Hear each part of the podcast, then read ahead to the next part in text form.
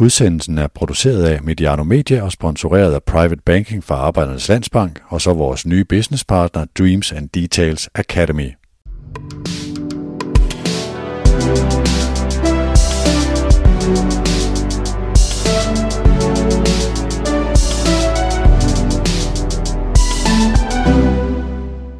Velkommen til Mediano Bosworth. Stemmen, du hører nu, tilhører Peter Brygman. Jeg er på besøg i postnummer 9220 i Aalborg, og nu skal du høre en stemme, som er meget let at forstå, selvom den er norsk. Hej, Inge Andre Olsen. Velkommen i Mediano. Tak for det. Hvad er historien om dit norske og for eksempel Ståle Solbakkens? Jeg kommer fra, fra den bløde kyststripe, altså Kristiansandsområdet, som er vel det nærmeste Danmark Ja, det er derfor. Så Hvor er Ståle fra? I er fra Hamar, langt inne i landet, i ei li, lita bygd som heter Hamar, hvor de snakker veldig spesielt. Øhm, forstår du, at danskerne har lidt svært med hans norske? Jeg forstår han jo godt, for jeg er jo selvfølgelig er norsk, men, men jeg, kan forstå at det er svært med noen norske dialekter for dansker å forstå. Hva så med Harreide, hvis vi lige skal ha ham på plads?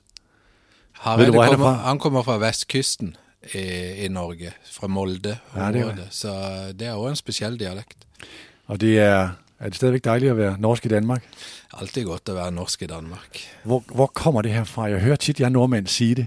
Jo, men det var jo et eh, slagord som ble lagd for mange, mange år siden i forbindelse med noe som heter het, Altså, du har jo Color Line som har ferjene over, og at det ble lagd 'Det er deilig å være norsk i Danmark'. Og Er den, det sådan fra en reklamekampanje? ja, den ruller og ruller på TV-reklame Ja, i ja.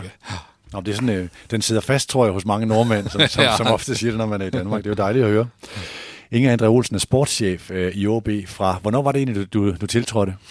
Jeg starta 1. april, men jeg kom meg jo ikke til Danmark før rundt eh, 20. april. Det var jo Grensene var lukka ned. Ja, du ramte lige inn i, i, øh, i det verste koronanedlukning. Ja. er du ved å være på plass nå? Ja, nå er jeg på plass. Nå er jeg på plass i Nøre Sundby leilighet, og, og alt er godt med meg her i Danmark. Du har valgt... Øh, jeg hørte det i... Var det i Riposten, jeg tror, du fortalte om det der med solsiden, at du havde valgt, du kunne se solen skinnede over i Nørre Sundby. Man kalder det jo solsiden. Ja, nå skal jeg være forsiktig med hva jeg sier, men Ja, ja, jeg godt... synes nå eh, hva er det det heter, 49500 er et fint postnummer å bo på. Hvor er det henne i Nørre Sundby? Er det, det, er ved havnen? Ja, det er nærme vannet. Der er jo sådan en, der er sådan en stor silo hen ved jernbanebroen. Er det derhen? Ja, eh, nei, det er ikke så langt bort. Jeg Nei. bor med den eh, Limfjordsbroa som går Okay. over med, med Radisson Hotel. Men noget af det nye byggeri. Nogle af nye. Nu blev det meget lokalt, men det var lige fordi, jeg har, jeg har, jeg har en ekstra nysgerrighed. Jeg er selv fra Nørre Sundby. Åh ja, det skulle jeg finde det. ud af. Eller, eller er opvokset det, jeg ikke, og min mor bor stadigvæk ude, i, ude nord for Nørre Sundby. Øh, lad os få dig præsenteret lidt mere. Øh, karriere som spiller. Du var forsvarsspiller. Forsvarsspiller. Født og opvokset i Søgne, som er ca. 17 km ut forbi Kristiansand. Og så når jeg var 16 år, så starta jeg opp i Start, som er den store klubben Start Kristiansand, ja. ja, Start Kristiansand på Sørlandet. Starta min seniorkarriere der, og så gikk jeg til Stabæk, og var i Stabæk i mange år. Og var på noen utlån, bl.a. tilbake i Start, og var et år i Strømsgodset. Hvis du i dag så deg som scout, øh, og så så deg som spiller, hvilken, hvilken type forsvarsspiller var du? Jo, men jeg var nok måske den beste forsvarsspilleren, unge forsvarsspilleren i Norge. Så jeg var jo svært uheldig på et tidspunkt hvor jeg var Jeg skulle signere avtale med Wimbledon i Premier League. Da var jeg 21 år gammel, og så Det var The Crazy Gang. Ja, er crazy gang med Sam Hannon, og hvem var det som var trenere? Det var Joe Kinnear. Ja. Og jeg skulle bare spille en siste kamp for Stabæk, og da, etter ca. 30 minutter i første halvlek, så fikk jeg en, en smell i beinet som gjorde at jeg, vurderte å gå ut. Kontrakten lå der, den skulle signeres eh, etter kampen. Men eh, jeg var nok en spiller som pressa grenser og pusha meg sjøl, så jeg skulle ikke svikte holdet, så jeg skulle ut og spille videre. Jeg kunne bare gått der og signert på mange millioner og reist til Premier League. Og det som skjer ti minutter etterpå, er at eh, da brekker jeg begge leggbeina i, i høyrebeinet mitt. Så en, en, stor, stor skade. En, en stor Du brekker simpelthen begge knogler i, i, i høyre lægben. Ja. Ja. Så jeg sitter på banen hvor eh, beinet mitt egentlig bare henger i skinnet. Au. Det var det som var igjen der. Så da var det på, på sykehuset og operasjon i mange timer, hvor de skrudde sammen beinet mitt. Og, og det gikk et år før jeg skulle tilbake på banen. Og når jeg begynte å komme tilbake på banen, så så hadde jeg store smerter da òg, det viste seg at operasjonen ikke var godt som man skulle. Så jeg måtte operere enda en gang. Så det gikk to år av min karriere der med en, en stor skade. Så det var maks uheldig tidspunkt å få den skaden på. Men jeg var nok en type spiller som Altså Mange ville sikkert stått over den siste kampen, men jeg ville virkelig spille den for holdkameratene mine og være der det skjedde, og avslutte på en god måte. og noen ganger er det sånn. Du kan ikke ha styr på alt her i ja. livet ditt, og tilfeldigheter spiller inn, men der røyk den Premier League-karrieren. Så du kom aldri opp på når det lignet det samme nivå igjen pga. de her skader? Jeg har jo en spesiell historie som kommer meg tilbake. Så hadde jeg, en, eh, så hadde jeg jo mange gode sesonger i Stabæk. Og så når de russiske klubbene begynte å se i mhm. Skandinavia, så var jeg også på vei til Spartak Moskva i sin tid. Okay. Og jeg hadde vel vært den første norske spiller i i russisk liga, da. Og jeg var selvfølgelig klar for å reise, og vi satt og venta på at kontrakten skulle oversendes. Og han kom ikke den aften vi satt ned på, på, kontoret til agenten min, og så ringte vi de neste dag. og Det var litt svært å få tak i de, og vi fikk tak i de utpå ettermiddagen. Og så viste det seg at da hadde CSKA Moskva, nei, Spartak Moskva hadde spilt Derby mot CSKA Moskva. Og de tapte da 5-2, så de hadde fyra treneren den aftenen. det går hurtig, òg. det går hurtig, og da kom det inn en trener, en italiensk trener som het Nevio Scala. Og ja. han visste ikke hvem Inge André Olsen ja, og ja. han visste ikke hvem Inge André Olsen var engang, så da stoppa det. Så du, du, du fikk aldri de der eventyr, sånn, også økonomisk innbringende eventyr, som det også kan være. Fikk aldri det, det eventyret til det store utland, og, men jeg hadde en bra tid i norsk fotball. og selvfølgelig jeg var jo en av de spillerne også som tenkte på at det kommer et liv etter fotballkarrieren. Så jeg, jeg, var jo bevisst på å ta meg utdannelse mens jeg var fotballspiller, så jeg gikk en økonomisk utdannelse. Og tok med meg det i mitt videre liv, mm. som jeg tror er viktig.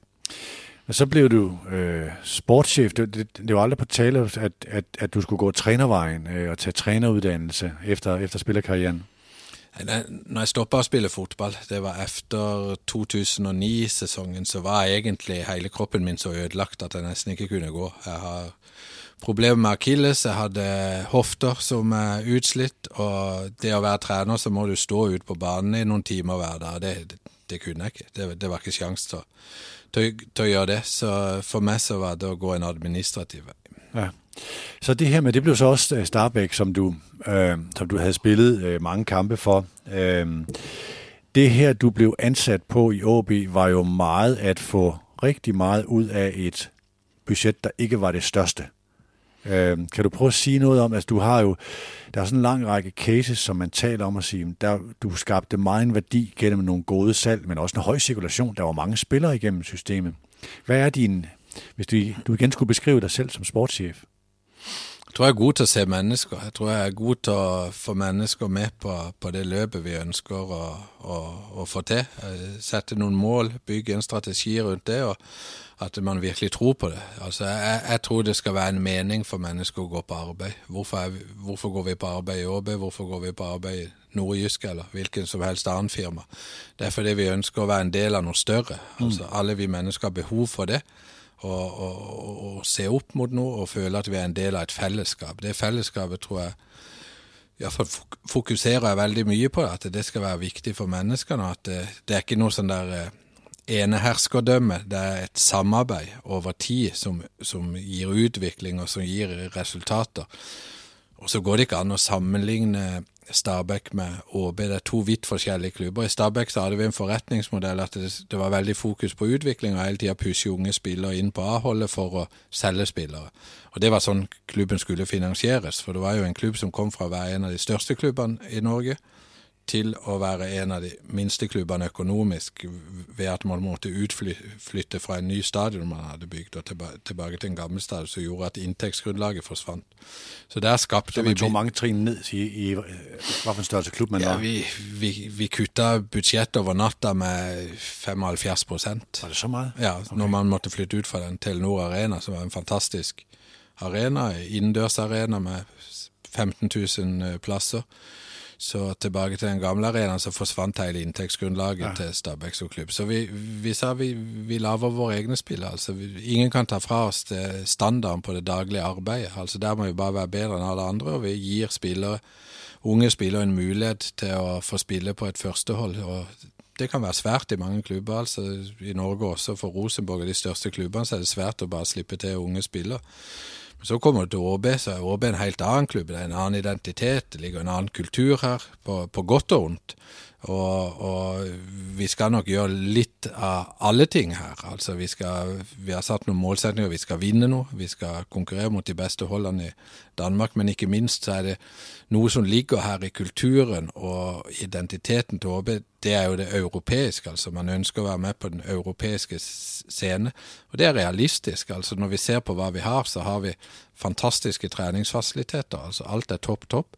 Og det arbeidet vi da lager hver dag, det er det som skal bringe oss frem. Altså penger betyr meget i, i, i fotballen, men det er noe som slår penger. Det vil alltid være arbeidet.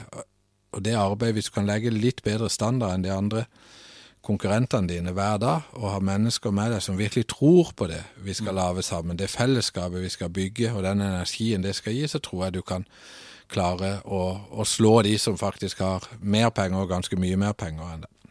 Hvad var Starbæk i, hvis man skal prøve at sammenligne, ikke at du skal sige det præcise budget, men hvis man siger, at OB ligger på en, omkring en 40 millioner danske kroner i sportsbudget, budget, og nogle af de, store danske klubber ligger over 100 millioner. Øh, hvor ligger Starbæk så? Bare for at forstå, hvor du kom fra der. Ja, Stabæk vil ligge i Superligaen, nå som det er tolv hold, så vil Stabæk ligge nummer 9-10, tenker jeg, i Superligaen. Så det er sådan en, det der svarer til en, nu siger jeg en 25-30 millioner danske kroner i sportslig budget? Ja, men det er ikke så mye heller. Det er, stor, det, det er ganske stor forskjell på, på norsk fotball og, og, og, dansk fotball. Så, så du kan si, hvis du ser på Eliteserien, så lå nok Stabæk nummer åtte, ni, ti økonomisk etter hvert som man bygde og gjorde gode transfers. I starten slår man sist. Men det var, det var ikke så meget, altså hvor du her i, i, i OB kommer til at sige, at vi skal nå en top 6 eller en top 4 placering, øh, og så skal vi gøre tingene på en særlig måde. Vi skal begge dele, vi skal skabe en værdi i, i, igennem transferstrategien. Øh, så var det forretningen rent lave den på skabe værdiforøgelse igennem udvikle spillere i Starbæk. Det var, det var mere den rene opgave der. Ja, altså, Det var ingen kraft at vi skulle vinne noe i Stabæk. Alle har jo lyst til å vinne noe, alle drømmer om det. Men det var ikke sånn at du fyra treneren hvis du ikke kom topp tre. Det gjorde du ikke. Så, så det, det, ÅB er en større klubb, men jeg, jeg syns det er fett også fordi at det, det, ligger jo en sterk identitet i hele Nord-Jylland for ÅB, og det ligger en sterk identitet i klubben for å utvikle egne spillere som skal være nordjyske. Altså vi skal ha halv 30 eh, nordjyske spillere inn i superligatroppen. og det, det, det, ligger liksom i, i, i, blodet mitt, det at vi skal selvfølgelig ta vare på de spillerne vi har her. Og så skal vi hele tida pushe limiten på hvor gode de kan bli. Altså Vi må alltid ha krav til kvalitet. For det er ikke noe svært for meg å fylle opp en superligatropp med 30% nordjyske spillere hvis de skal sitte opp på tribunen eller sitte på benken. Nei. Altså Vi må stille krav til kvaliteten på de som kommer opp. Så de har spilleminutter? Spilleminutter, og at de er gode nok om et år, når de har kommet opp i superligatropp, til å gå inn og være med og ta del i og spille om topplasseringer i Superligaen. Ja. Det er det vi går etter. Det er de type spillere vi skal lage. Er der en case, Nå blir jeg lige Starbæk, lige for å gjøre det færdigt, øh, en case, hvor du sier den er, den er, den er særlig, jeg, jeg er særlig glad for den, eller den var særlig succesrig i forhold til å utvikle en spiller, som ble solgt for mange penge? Ja, altså, det er utvikla mange spillere der. Du har en som nå har begynt å spille litt i Sampdoria, som en Ungdrengene er født 01, som ble solgt i januar. Men han hadde bare 12-13 kamper for førsteholdet i, i Stabæk. Men, men, det var sånn, man solgte da, for da så man at det var riktig timing. Du har et annet case, vi har jo solgt noen spillere til Kina, og det er jo show med kinesere. Så vi hadde en spiller, en, faktisk en norsk spiller, men vi viste at han hadde ei mor fra Kina, og da går det an å skifte passet hans okay. til kinesisk, og da visste vi at den spilleren hadde Så telte han ikke som utlending? Der teller han ikke som utlending, og verdien på spillerne er helt annet enn det han vil ha i et skandinavisk eller europeisk marked. Altså det, det, er ikke bare dobbeltverdi, det er kanskje 100 ganger verdien hans. Så det er jo show. Og så er det Vi kjenner vel i Danmark best Tobias Børkajet som en av handlerne, som ja. du har vært med i. ikke? Ja.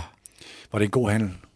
For Stabæk så var det en god handel, ja. og for Tobias så var det en fin mulighet. Altså Tobias hadde også andre muligheter. Heerenveen hadde jo mm. ligget på han lenge, så til slutt så forhandla vi både med Brøndby og Heerenveen og sa at eh, Tobias, du bestemmer hvor du vil. Hvordan tror du hans utvikling kommer til å bli? Hvor stort potensial har han? han har et stort potensial, men det gjenstår alltid å se. Du skal inn i rett miljø. Nå har han jo mm. vært uheldig med disse skadene sine òg, som ofte kan stoppe en spiller i sin utvikling. Så vi, vi får se hva tida bringer. Mediano Bosworth er præsenteret i samarbejde med Private Banking fra Arbejdernes Landsbank, og så vil du møde et budskab fra vores nye businesspartner Dreams and Details Academy undervejs. De uddanner ledere til fremtidens strategiske udfordringer. Her lidt om, hvad Private Banking handler om. Formuepleje og formueplanlægning er ikke kun relevant for meget velhævende. Faktisk er det meget relevant for flere danskere, end man lige skulle tro. Det ved vi i Arbejdernes Landsbank, og derfor tilbyder vi også private banking målrettet dig og din økonomi. Vi guider dig trygt og ansvarligt igennem de mange muligheder og valg, du har, når din formue skal have de bedst tænkelige betingelser for at passe dine mål og drømme. Tag en snak med os. Vi giver dig overblik og viser dig mulighederne. Så vil jeg gerne høre om OB og dig og jagten på succes. Øh, hvad er OB for dig? Er det øh, et... Nu flytter vi med familien til, øh, til Nørre Sundby og, og, og slår os ned der. Er det et skridt på vejen, eller er det et eventyr? Jeg er nok sånn satt sammen at når jeg er et sted, så, så er det ikke noe tidsperspektiv på det. Altså Jeg ønsker at vi skal oppnå sammen. Jeg ønsker at vi skal sette noen høye mål. og noen ambisiøse målsetninger og visjoner, at vi skal ha noen drømmer. Eh, og at vi på veien skal arbeide hardt sammen for å oppnå disse målene og drømmene våre. Så jeg ser ikke dette som et prosjekt på ett år eller tre år eller fem år. Altså, ÅB for meg er en stor klubb. Det er en tradisjonsrik klubb. Altså Når du kommer utenfra, så er det en klubb som skal være der oppe. Han skal være en av Skandinavias beste klubber, og det er det prosjektet vi har satt i gang nå. Og så kommer jo OB fra et godt sted òg. Det er jo mange gode spillere her. Det er en, et godt akademi som utvikler mange dyktige spillere. Så jeg syns vi har noe veldig fint å bygge videre på de neste årene. Altså det her med mandatet, hva er du egentlig Altså Hvis du selv skulle formulere, hva er du ansatt til? Hva er suksesskriteriet? Jo, men når jeg kommer inn, så ligger det en målsetting om at vi skal være topp seks. Men vi har, vi har eh, gjort den, spisa til den, så vi ønsker å være oppe og kunne vinne både medaljer og pokaler og kunne være med i et europeisk eh, sluttspill på, på, et tidspunkt nå de neste årene. Eh, og så ønsker vi også å skape en god businessmodell. Altså Vi har aksjonærer som investerer i vårt produkt. Vi hadde en emisjon nå hvor det kommer inn noen penger, så vi, vi har en forutsigbarhet, så at vi kan ha styr på timinga når vi skal selge spillere. Men vi skal også vise aksjonærene at det går an å tjene penger på, på fotballbusinessen. Og det, de store pengene ligger jo i spillertransfers. Mm. En diskussion, der altid foregår i, i OB, er det her med de fire mesterskaber i Superligans historie versus at være højt placeret hele tiden. Skal man gå efter toppen en, en, en sjældent gang imellem, eller at være øh, for eksempel fast i top 4. Jeg talte lige op i, siden år 2000 har OB fået øh, 8 femtepladser, øh, to fjerdepladser, en sjetteplads, en syvende plads, en niende plads, to tiende pladser, og, øh, og så to mesterskaber, altså siden, øh, siden år 2000, bare for at tage den altså det er otte femtepladser, mm. som jo er et billede på det her med, ikke at være, den nuværende målsætning er top 4. Øh, ja, nuværende målsætning er ikke top 4. Ny, nuværende målsætning er at i løbet av de fem neste årene så skal vi vinne ja. en pokal, og vi skal vinne to medaljer, og vi skal ut og spille i et europeisk sluttspill. Og, og, så skal vi selge spillere for en viss sum penger, eh, samtidig som vi har noen helt klare og, og, og tydelige målsetninger overfor akademiet, hva de skal levere oss inn mot Superligaen. Altså det går også på transfers ut fra akademiet. Men det er, jeg hører det jo som en mer varig posisjonering, skubber det opp frem for at nå er vi på vei til å bygge et nytt storhold. Men det tar tid. Altså, det kommer til å være noen utskiftninger, og det er allerede starta. Og så skal vi bygge videre på det vi har, og hele tida legge på mer og mer. Og så ønsker vi jo at vi også skal gjøre eh, holdet vårt yngre, så at vi har nok salgsvarer i holdet vårt, men at vi skal kunne bestemme den timinga når vi skal selge spillere. Så, så vi, vi, er på vei, men eh, vi har bare arbeida med dette i ja, siden 20. april, kan du si, eller 1. april. Mm. Så det er et godt stykke arbeid som skal, skal gjøres de, de, neste månedene og det neste året. Men jeg syns vi er på god vei. Vi ser nå, vi, Blant annet så ønsker vi å flytte fokuset vårt over eh, mot den individuelle utøveren, altså den individuelle fotballspilleren. Altså dyrke X-faktorer. Ekstreme kompetanser hos spiller, kontra at man kanskje tidligere har vært litt mer på det, det holdtaktiske og utvikling i en holdkontekst. Så vi skal lage en plan for de aller største talentene våre, de med mest potensial, samtidig som vi skal ha en topp hverdag for, det, for alle de andre spillerne som, som, som, er i ÅB. Men det er veien vi har snudd litt. Så ønsker vi et høyintensitetsspill. Vi tror fotballen, eller vi vet fotballen, er der i de aller største ligaene. De ligger godt foran oss i Superligaen på høyintense aksjoner. Så der må vi flytte oss. Så tar vi tak i det, og så bygger vi opp dette ut fra den veien vi mener er rett å gå for å nærme oss ikke bare de aller beste superligaholdene, men også de større europeiske holdene. Mm. Og det er jo sånn Hvis vi skal lage en god transferforretning, så, så, vil det også være en fordel hvis vi kan vise disse klubbene som ønsker å kjøpe for fem av ti millioner euro, at, det, at spillerne våre faktisk kan gå inn i den ligaen. At de er klar for det fysiske. For det er ofte det fysiske det stopper på. Det å kunne utføre handlinger hurtig nok over ja. og x antall aksjoner over 90 minutter. Så det er mange målpunkter i oss kikker på? Veldig mange målepunkter. Og så har vi tatt tak i rekrutteringa, altså scouting-biten. Og der har vi kommet langt på vei nå med å bygge vårt eget datasystem, og det er interessant. For det at eh, fotballen er jo mye tall, men det er også en sånn følelse du skal ha for eh, menneskene oppi det. Men, men tallene lyver ikke. Altså Det en spiller gjør ute på banen, det kan vi se på tallene. og så er det når vi har et godt nok setup på data, og der jobber vi jo godt sammen med Netcompany, så det er en mm. fantastisk samarbeid vi har. og Som jeg tror vi kommer til... Som en ny partner på akademiet? Som en ny akademipartner, og jeg opplever bare at menneskene i Netcompany altså de, de har så lyst til å være med på den reisa vi skal nå i ÅB, hvor vi også setter dataen i et system som vi okay. egentlig lager sjøl. Uh, så det bygger I simpelthen noe nytt sammen med dem?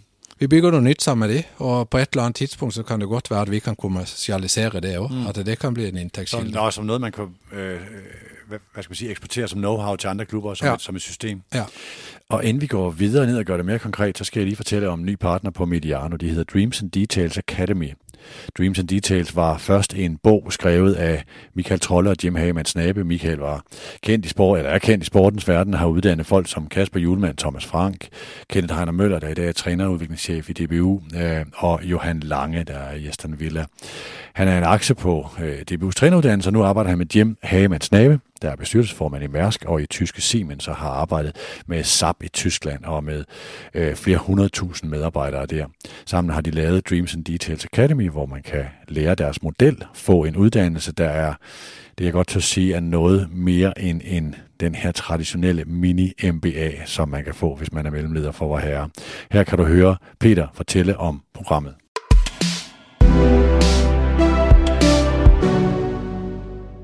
Hej, jeg hedder Peter, og tak fordi jeg må forstyrre i udsendelsen. Vi ser faktisk Mediano som en spændende case på de tanker, som Dreams and Details er bygget på. Dreams and Details Academy er sat i verden for at hjælpe ledere med at genopfinde deres virksomhed og lederskab, også når det sker fra en styrkeposition, og ikke kun når platformen brænder. Verden forandrer sig, og nye kompetencer er nødvendige hos ledere og medarbejdere. Det var den konklusion, Michael og Jim havde, da de skrev bogen, og det der førte til, at akademiet blev grundlagt. Vi tilbyder ledere en uddannelse, der ruster dem til at lede i en uforudsigelig verden. Vi lærer dig eller dine medarbejdere en konkret metode, som de kan gå direkte ud og bruge til at drive transformationer i deres virksomheder. Fortsat god fornøjelse med udsendelsen.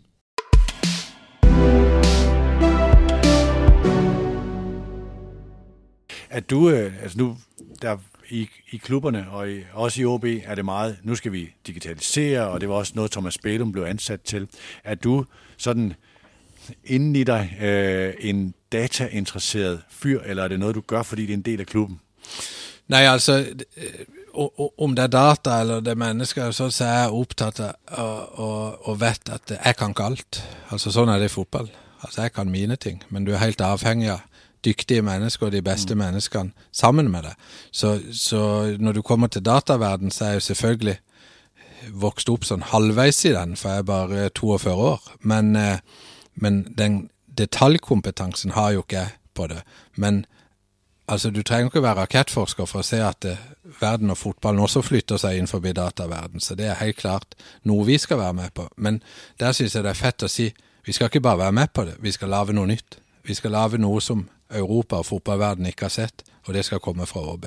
Der har vi kommet langt på vei nå, og jeg tror i løpet av et år, halvannet år, så tror jeg vi skal kunne rulle ut et system. Vi, kommer, vi bruker jo dette systemet, vi utvikler det hele tida, men jeg tror at vi også skal kunne kommersialisere det.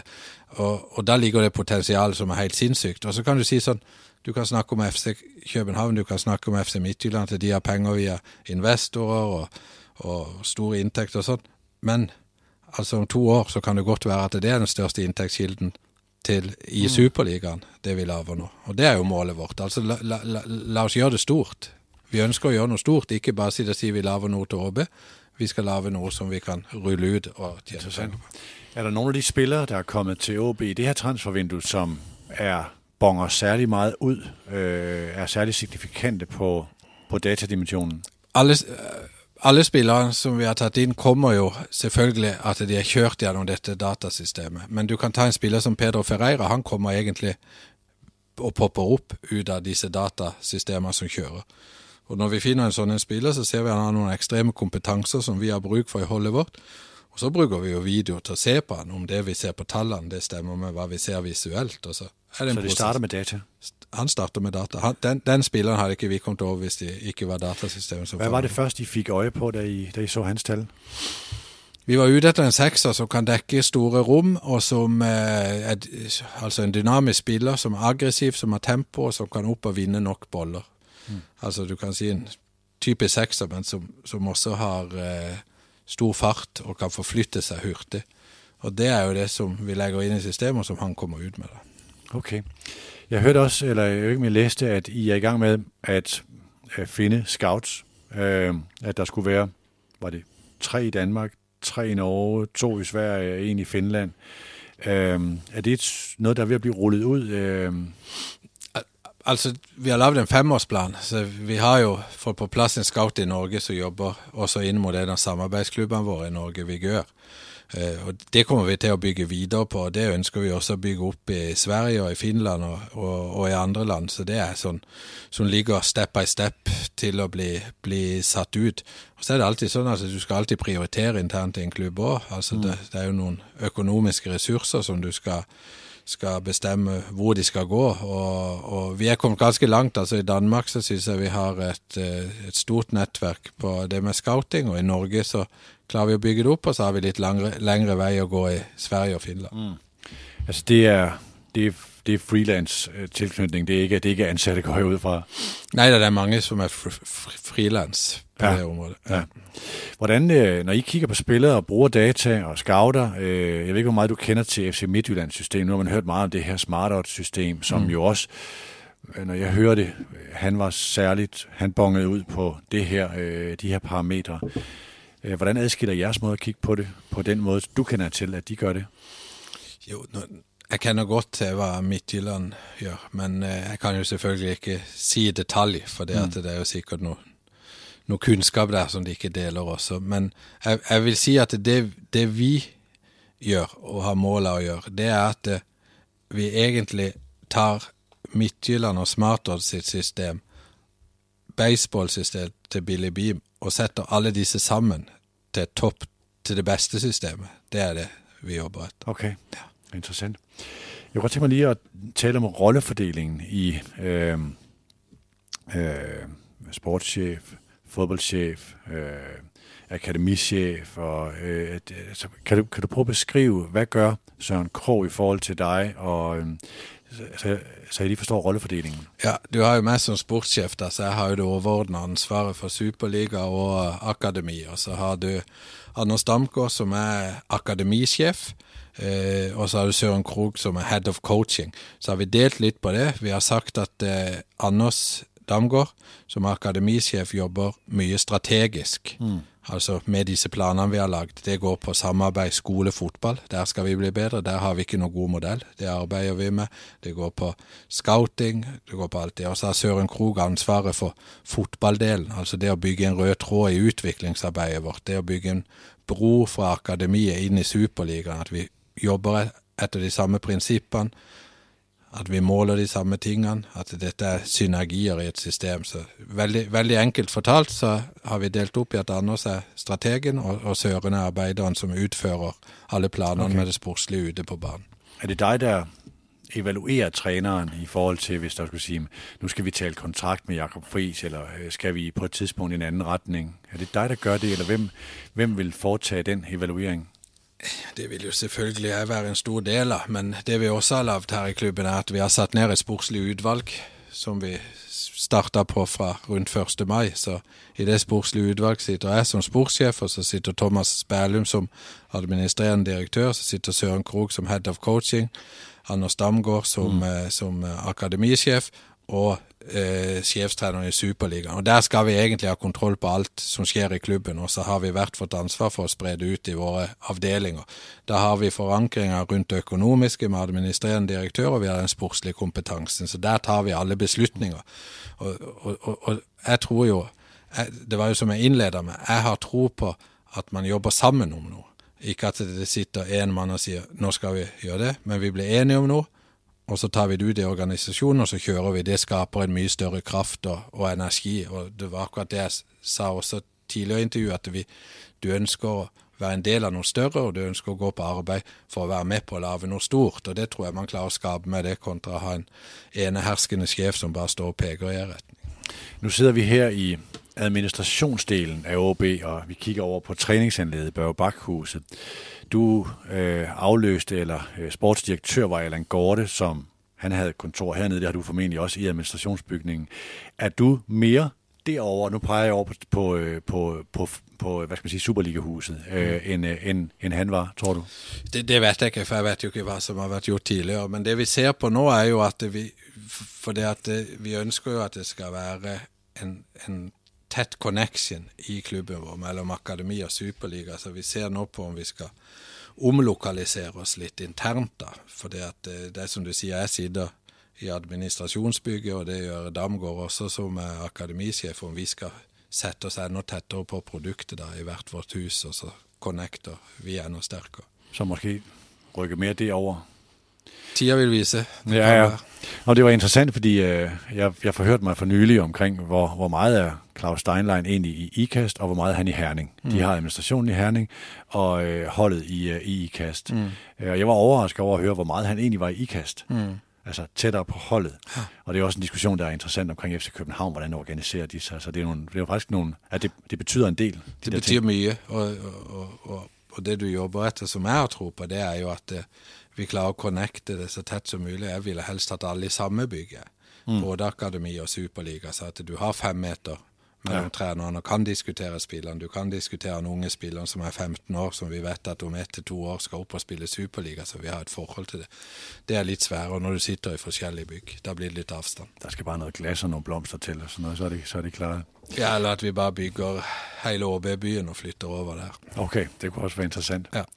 Nu ved jeg ikke, om de her udtryk øh, på dansk øh, giver mening på norsk. Jeg spurgte Thomas Bælum, om han var i gang med at støve ÅB af. Altså øh, kom til at skulle forandre nogle ting og støve af. Mm. Øh, og i, i, i det spørgsmål talte jeg også om øh, Paul Erik Andreasen, som jo øh, har været sådan... Øh, øh, måske mere Søren Krogs afløser i forhold til at være i, være i væggene, være den gamle mestertræner og den, der stod for OB-filosofien og var sådan en slags godfather of football mm. i, uh, i Aalborg. Øh, hvordan ser du den transformation? Vi, er, vi har en historie, som vi respekterer, og så er vi, vil vi også gerne gøre nogle ting anderledes. Hvor er OB henne her? Jeg tror vi gjør mye annerledes, men utviklinga løper jo foran oss i, i fotballen. Altså Det er klubber som har så store ressurser at de, de har alle ressursene i hele verden til å se bare på trender innenfor hvordan ser fotballen ut om fem år. Og, og, og den utviklinga ønsker jo vi å være en del av. Og så er det helt naturlig i alle organisasjoner at det kommer noen nye mennesker til som kommer kanskje inn med sine tanker og ideer, og at det legger til noe på den kulturen som har vært der, de ideene og tankene som har vært der tidligere. Så jeg tror ikke vi bryter med, med, radikalt med noe som har vært der tidligere, men jeg tror vi kommer inn med noen ting som vi kan legge på og bygge det mm. enda større. Taler du med Paul Erik noensinne?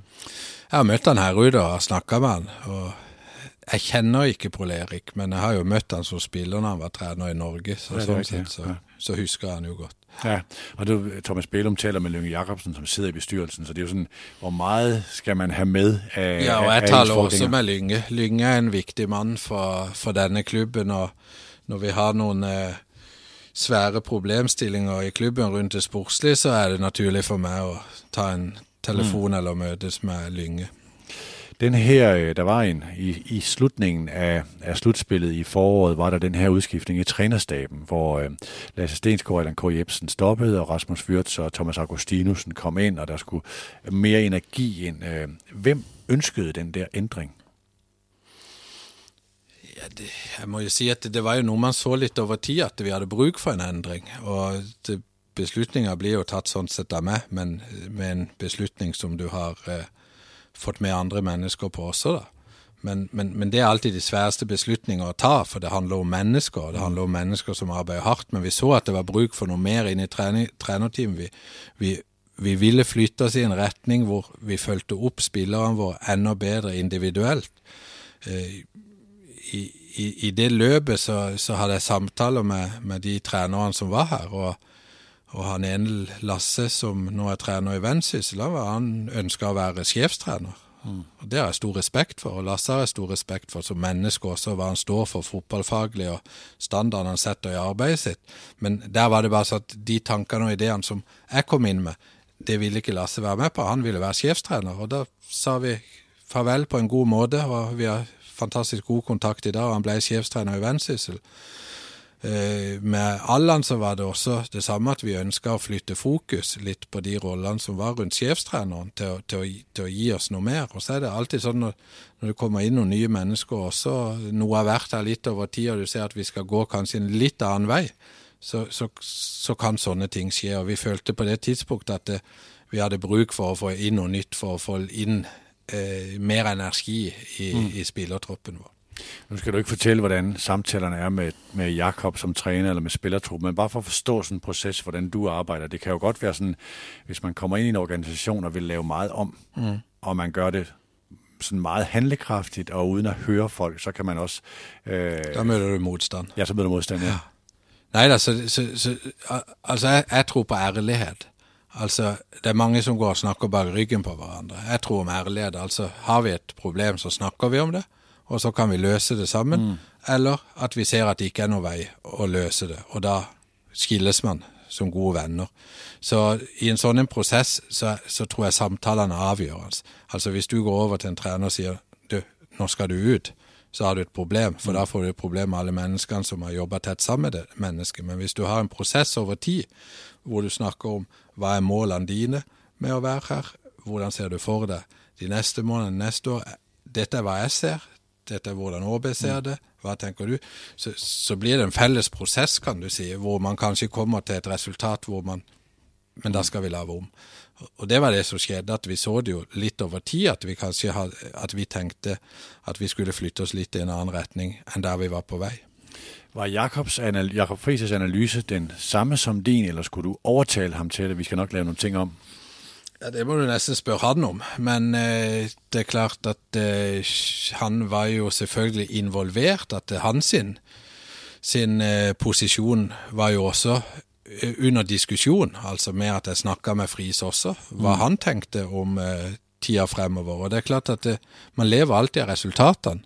Og så skal man se litt bak resultatene, man skal se på prestasjoner. Vi syns vi var et sted der hvor vi ikke fikk ut det som vi hadde bruk for av spillertroppen. Og I tillegg så visste vi at vi ønska å gå i en litt annen retning i de årene som kommer, enn det man arbeider etter. Og Det opplevde iallfall jeg at eh, Friis var enig i. Og så, det, så er det jo selvfølgelig ikke Friis som tar beslutninger om hvordan teamet skal være og om de skal ut, men, men det tok vi som, som klubb. Men jeg opplevde at han eh, støtta det og så at det var en rett vei å gå. La os prøve at kigge på, hvilke retninger OB skal bevæge sig i på, på banen. Når man øh, hører om jeres ambitioner på spillestil, så er der sådan ord som pres, aggressivt og underholdende. Øh, har OB hidtil været for blødt og pænt? jeg tror fotballen forandrer seg innenfor de forskjellige epokene, liksom. Altså, du, du, kan være underholdende og spille med et lavt press og spille mye på omstilling og skape sjanser ut fra det, men vi, vi har sagt at vi ønsker å gå i en retning hvor vi skal hvor, hvor, hvor målene ligger på den internasjonale fotballen da kan vi med sikkerhet si at vi må flytte spillerne på fysiske aksjoner, altså høyintensitetsaksjoner. Vi løper de meterne vi skal, men vi har ikke de sprintene vi skal ha i Superligaen ut fra hva de har i Premier League eller Bundesliga. Så, så, så det er jo den retninga vi ønsker å gå. Vi tror at å ha et aggressivt hold som kan presse, som skaper sjanser på egen dyktighet, altså, og, og, og, og at du kan vinne bollen, høyt i banen. Det er jo målet vårt, at vi skal kunne gjøre i 90 minutter. Men vi er jo ikke der. Vi er jo langt fra der. Men det er målet vårt som vi jobber etter. Så tror vi også det blir en ekstremt underholdende fotball. Mm. Så, så, vil du sikkert se kamper også hvor vi møter så dyktige hold i Danmark at de spiller seg ut av det presset vårt.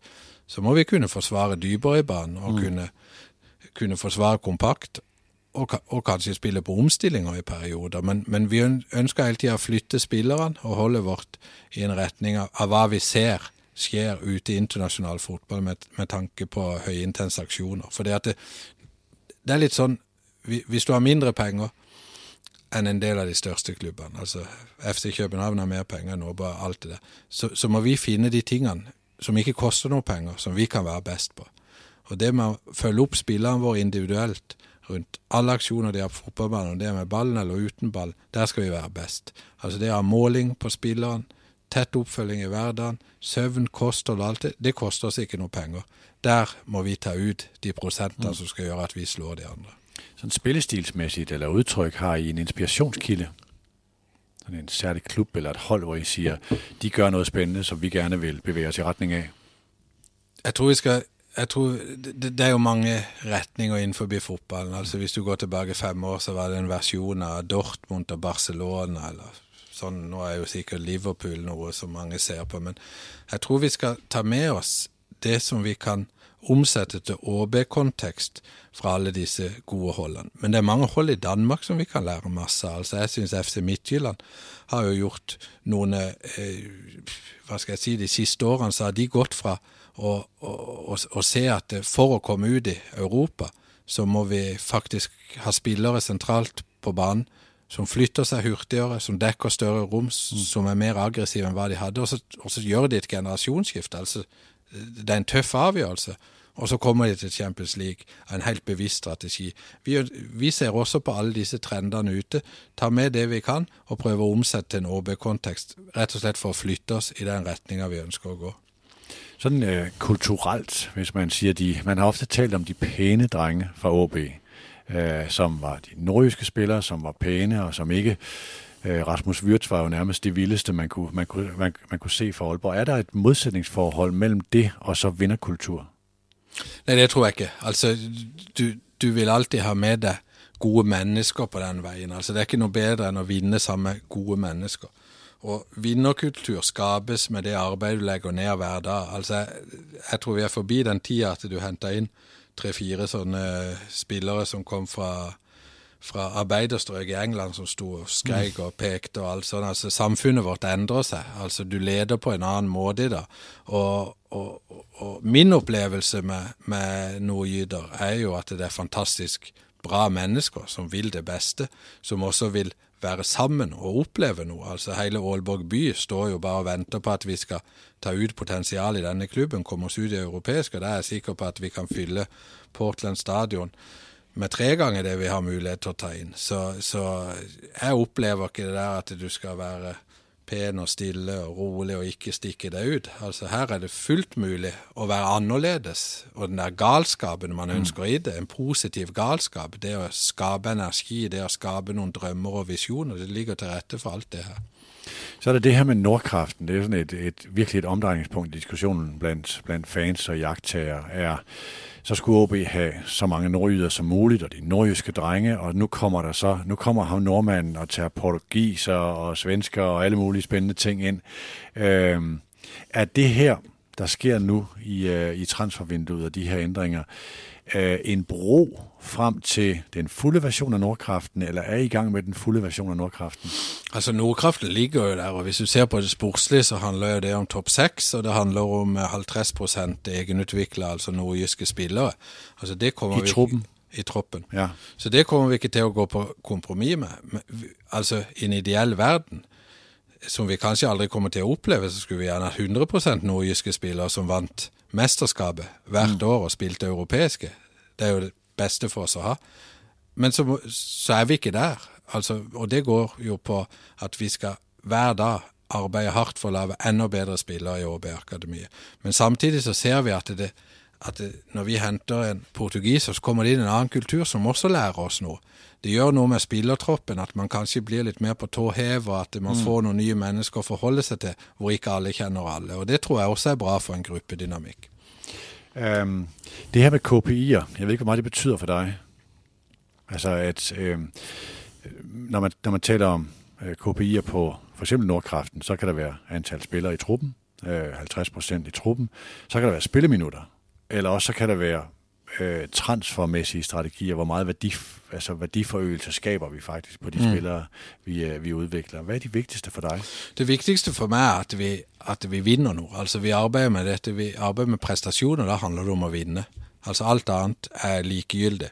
Men på veien til å vinne så skal du skape noen varige strukturer som vi har noen målsetninger rundt. Og Blant annet der så ligger det å bygge en god forretningsmodell, en business, hvor vi kan utvikle spiller, og vi kan selge spiller til riktig timing og få gode, store penger for det, for å bygge ÅB til en enda større klubb enn den er i dag. Så for meg så er det bare én KPI, og det er at vi skal vinne noe og at vi skal ut i europeiske. Og så har vi mange delmål un under der, og strategier som skal føre oss frem til det. Men altså, vi går ikke på arbeid fordi vi har et delmål om at vi skal være nummer fem i 21. Vi er her for å vinne. Men hvilken er den viktigste øh, av de her øh, i forhold til egenutvikling? Det kan være spillere i truppen, det kan være spilleminutter, det kan være ungdomslandsholdsspillere, eller det kan være øh, det transfermæssige. Ja, altså, vi, vi skal ta vare på den nordjyske kulturen her. Altså, vi, og så skal vi utvikle den. Så selvfølgelig er det ekstremt viktig at vi har nok spillere som kommer fra våre samarbeidsklubber, og er utvikla via ÅB. Men så, så vet vi også at det, for at den modellen skal være varig over tid, så må vi også vise at det, de pengene vi investerer der, at vi kan selge spillere som er egenutvikla spillere. For det, det er jo det som skal komme tilbake til disse aksjonærene som investerer i ser ja, men hvorfor investerer man 10 millioner eller 20 millioner i et akademi hvis vi aldri får noe tilbake til klubben via inntekter. Så det er ekstremt viktig for meg å vise at vi kan lage en god forretningsmodell på det caset som heter ÅB. Så det er meget økonomisk styret, altså fordi det er ligesom grundlaget for, at vi er her, vi har et arbejde, og vi har en klub. Øh, det er, at man kan dokumentere, vi investerer så meget i, i, i akademiet, det kommer der ud af det, blandt andet via transfer. Ja, Det mener jeg 100% at man må måle alt man gjør. Altså, vi, vi kan snakke så mye vi vil om at vi er gode til å utvikle, men hvis vi ikke måler på noe Vi måler det nå med den nye planen vi har lagt på hvor mange U-landsholdspillere vi har for Danmark.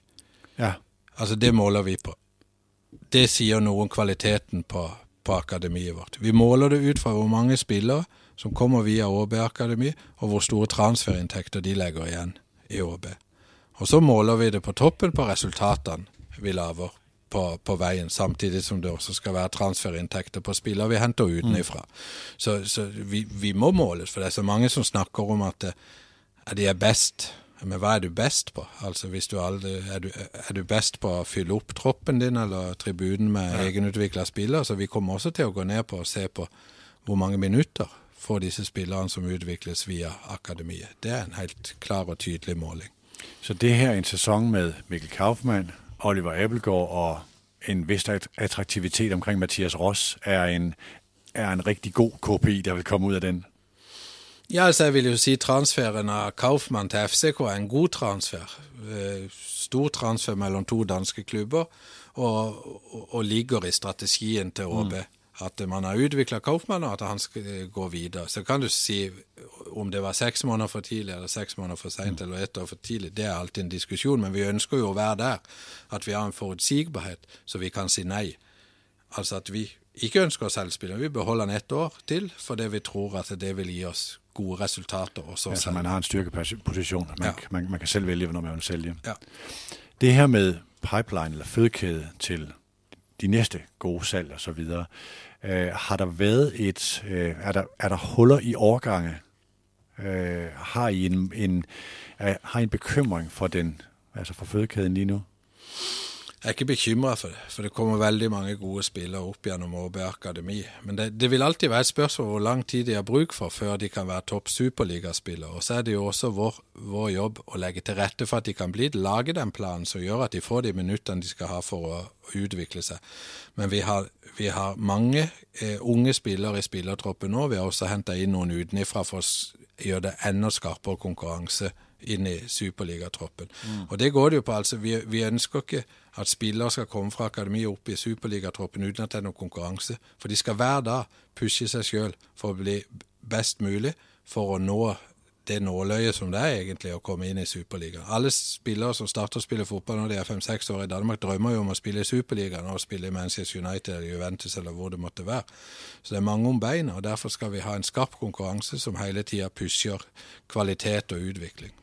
Man har sett andre klubber sige, at øh, øh, vores øh, talentutvikling har ikke vært optimal.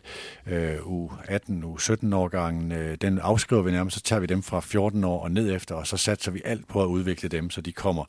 Øh, jeg tror, at FC København er det måske Øh, du kan ikke lige huske overgangene fra hinanden, men jeg tror, det er den overgang, man ser med Darami og Company i øjeblikket, mm. som kommer fra, at man siger, okay, her, nu satser vi for alvor på nogen, der kommer om nogle år. Mm. Øh, har I noget tilsvarende? Nei, det har vi ikke, for vi har fra U13 og opp til Superligaen alle de spillerne som er inne der, satser vi maksimalt på. Men vi vil også gjøre forskjeller, for det er helt naturlig. Altså Hvis vi ser på børna våre når de går på skolen, så kan det være en som er fantastisk god i matematikk, og en som er middels. Altså Da lager vi andre planer med han som er fantastisk god for å gi han utfordringer, kontra han som er medium i matematikk. Og Det er sånn vi tenker også her, at det, vi legger planer ut fra de aller, aller beste, så de også skal få utfordringer.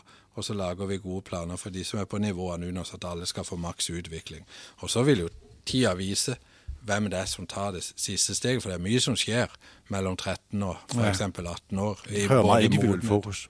Hva? Det krever meget individuelt fokus. Ja, og det, det var det vi sa når vi lagde den eh, nye sportslige planen. Det var at eh, vi ønsker å flytte det fra en holdkontekst til mer individuelt fokus. At vi ser spilleren, hva er han god til, og hva er det vi ønsker å utvikle, og hva skal vi legge på han, og hvor ligger baren for at han skal kunne bli en topp superligaspiller. Det bør være den rigtige måde at gøre det på. Der, øh, der var nogle lyttere, der hørte, at vi skulle hoppe, og så øh, bad vi dem stille, stille, stille spørgsmål. De spørger til Søren Tengsted til, til AGF og Christian Wagner, eller Wagner til, øh, til, øh, til Viborg, som gik transferfrit. Mm. Var, det, var det en bet?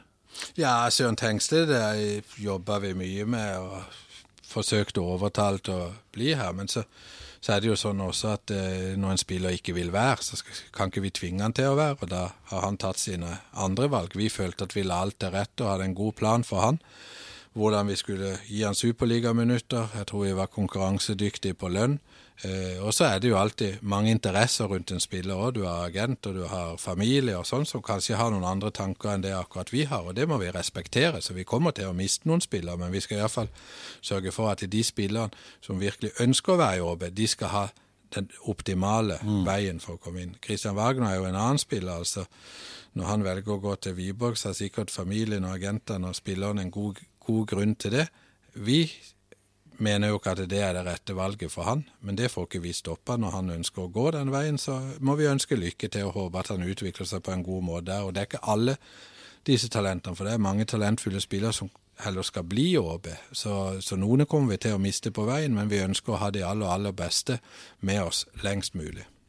Altså, jeg tror, jeg læste på, øh, jeg tror det på, på, på bold.dk, at, at øh, Wagner siger det der med, at Viborgs plan for mig, eller for min udvikling, spillede en vigtig rolle. Tror du i de her, måske det ene, eller, eller i begge cases her, at I kom for sent ind i at have ret hånd om deres udvikling? Nei, det tror jeg ikke. Nej.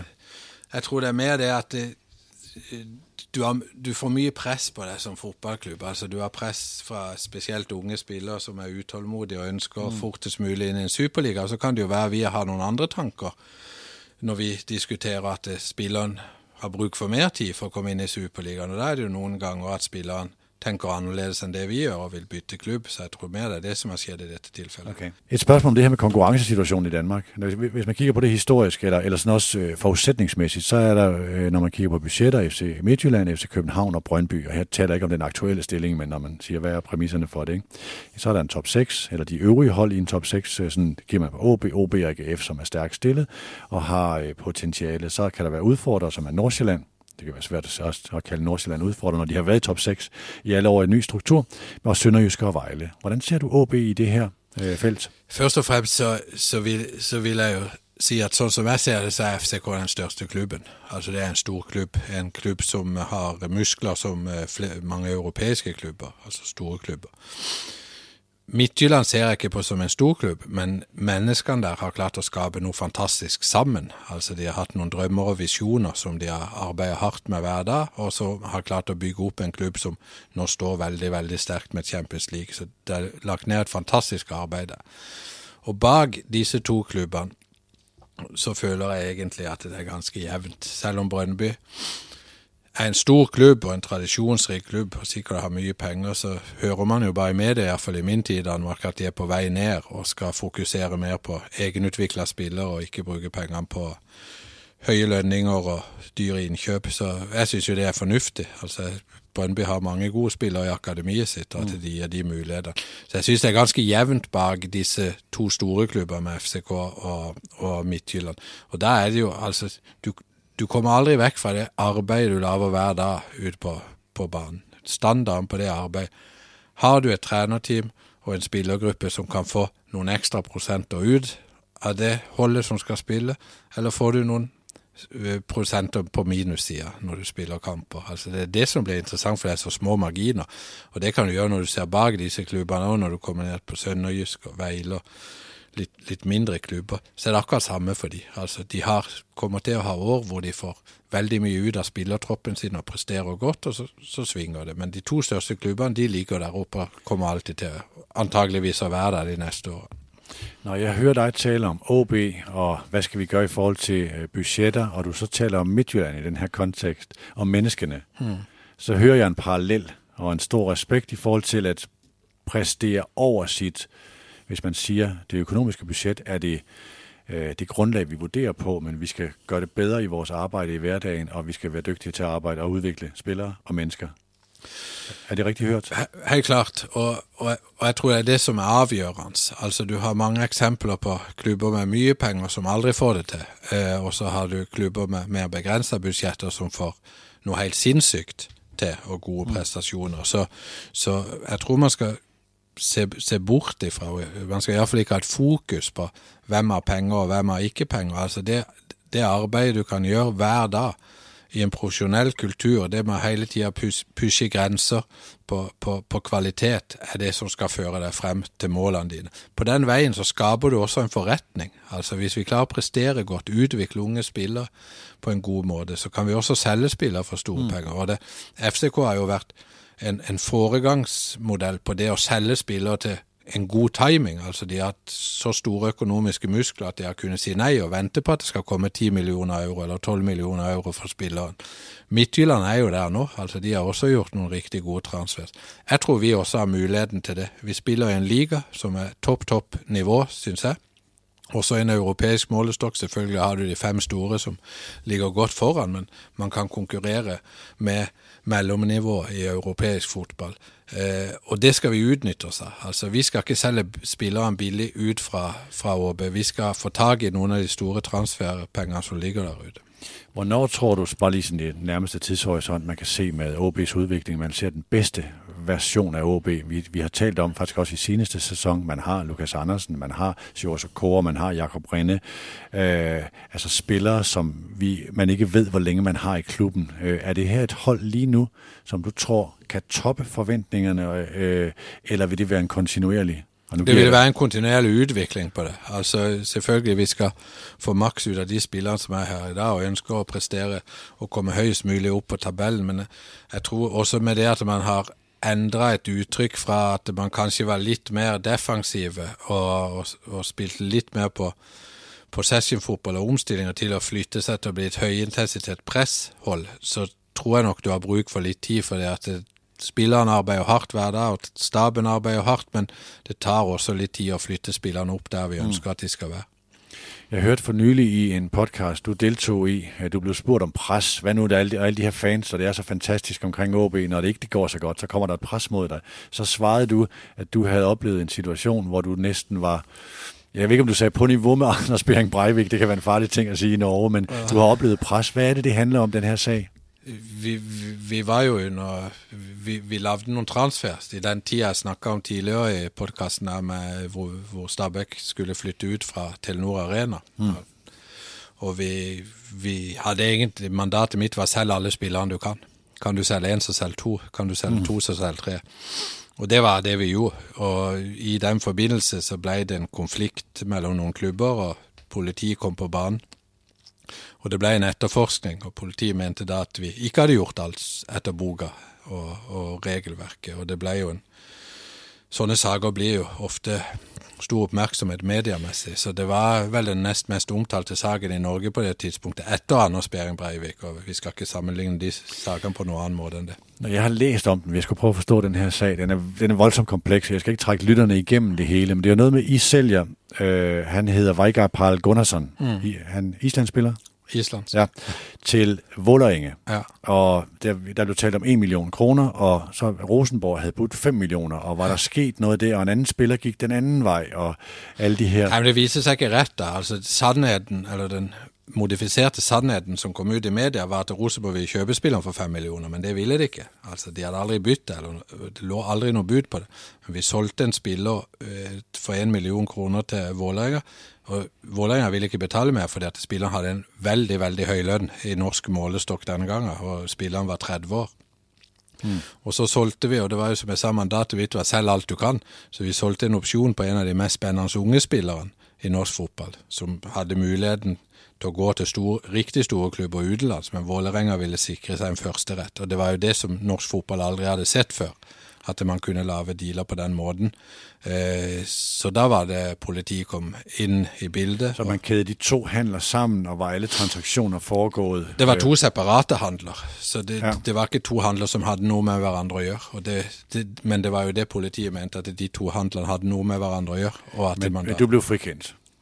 Vi var i rettssak i 13 dager og ble frikjent på alle punkter. Og til og med sa vel dommeren eh, i etterkant at hadde dette vært en sivilrettslig sak, så hadde de også blitt frikjent på alle punkter. Og i sivilretten så er jo det bare sannsynlighetsovervekt for at du har gjort noe galt før du ble dømt, altså over 50% så vi ble også frikjent da hvis det hadde vært en sivilrettslig slag. Nå var dette en straffesak, og da er det jo litt større større krav til be bevisbyrden for at du skal bli dømt, men til og med sivilrettslig. Så du kan si at det var en knusende dom for påtalemakta, altså politiet. De ble egentlig knust på alle punkter.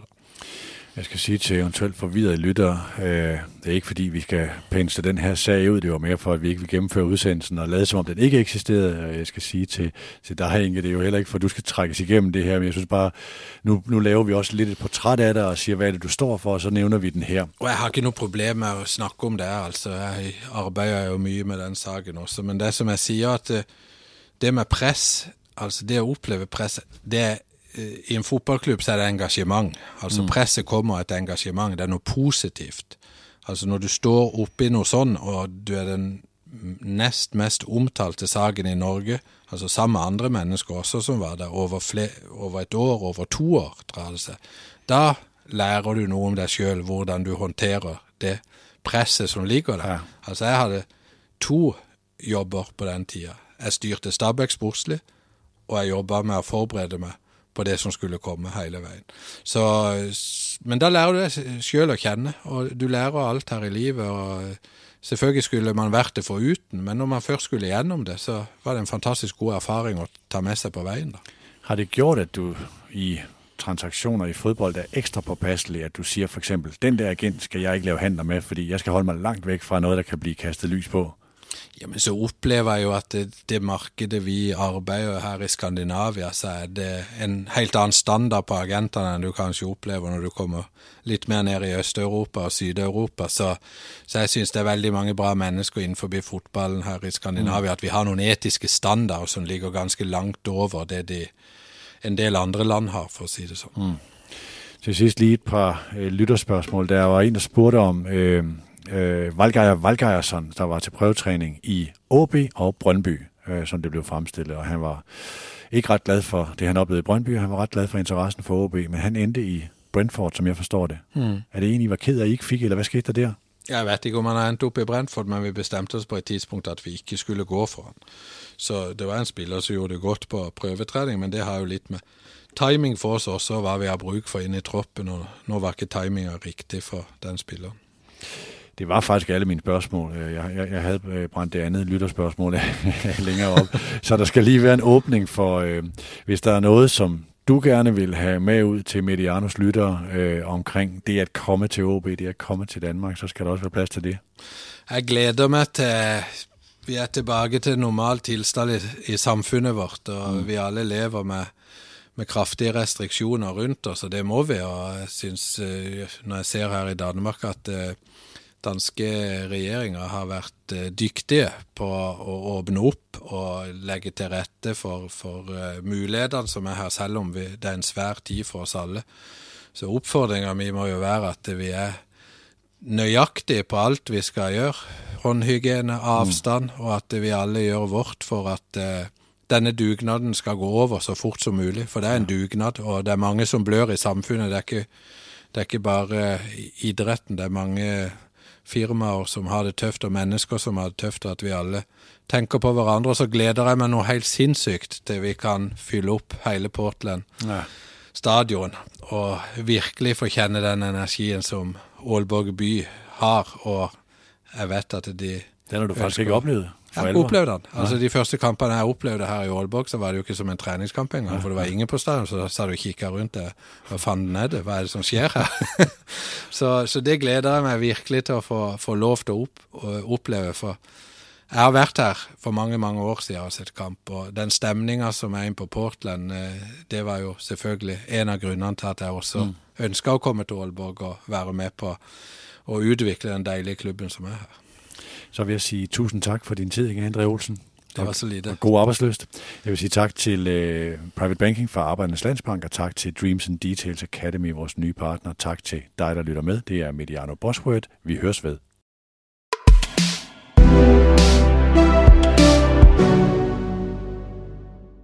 Udsendelsen er produceret af Mediano Media og sponsoreret af Private Banking fra Arbejdernes Landsbank, og så vores nye businesspartner Dreams and Details Academy.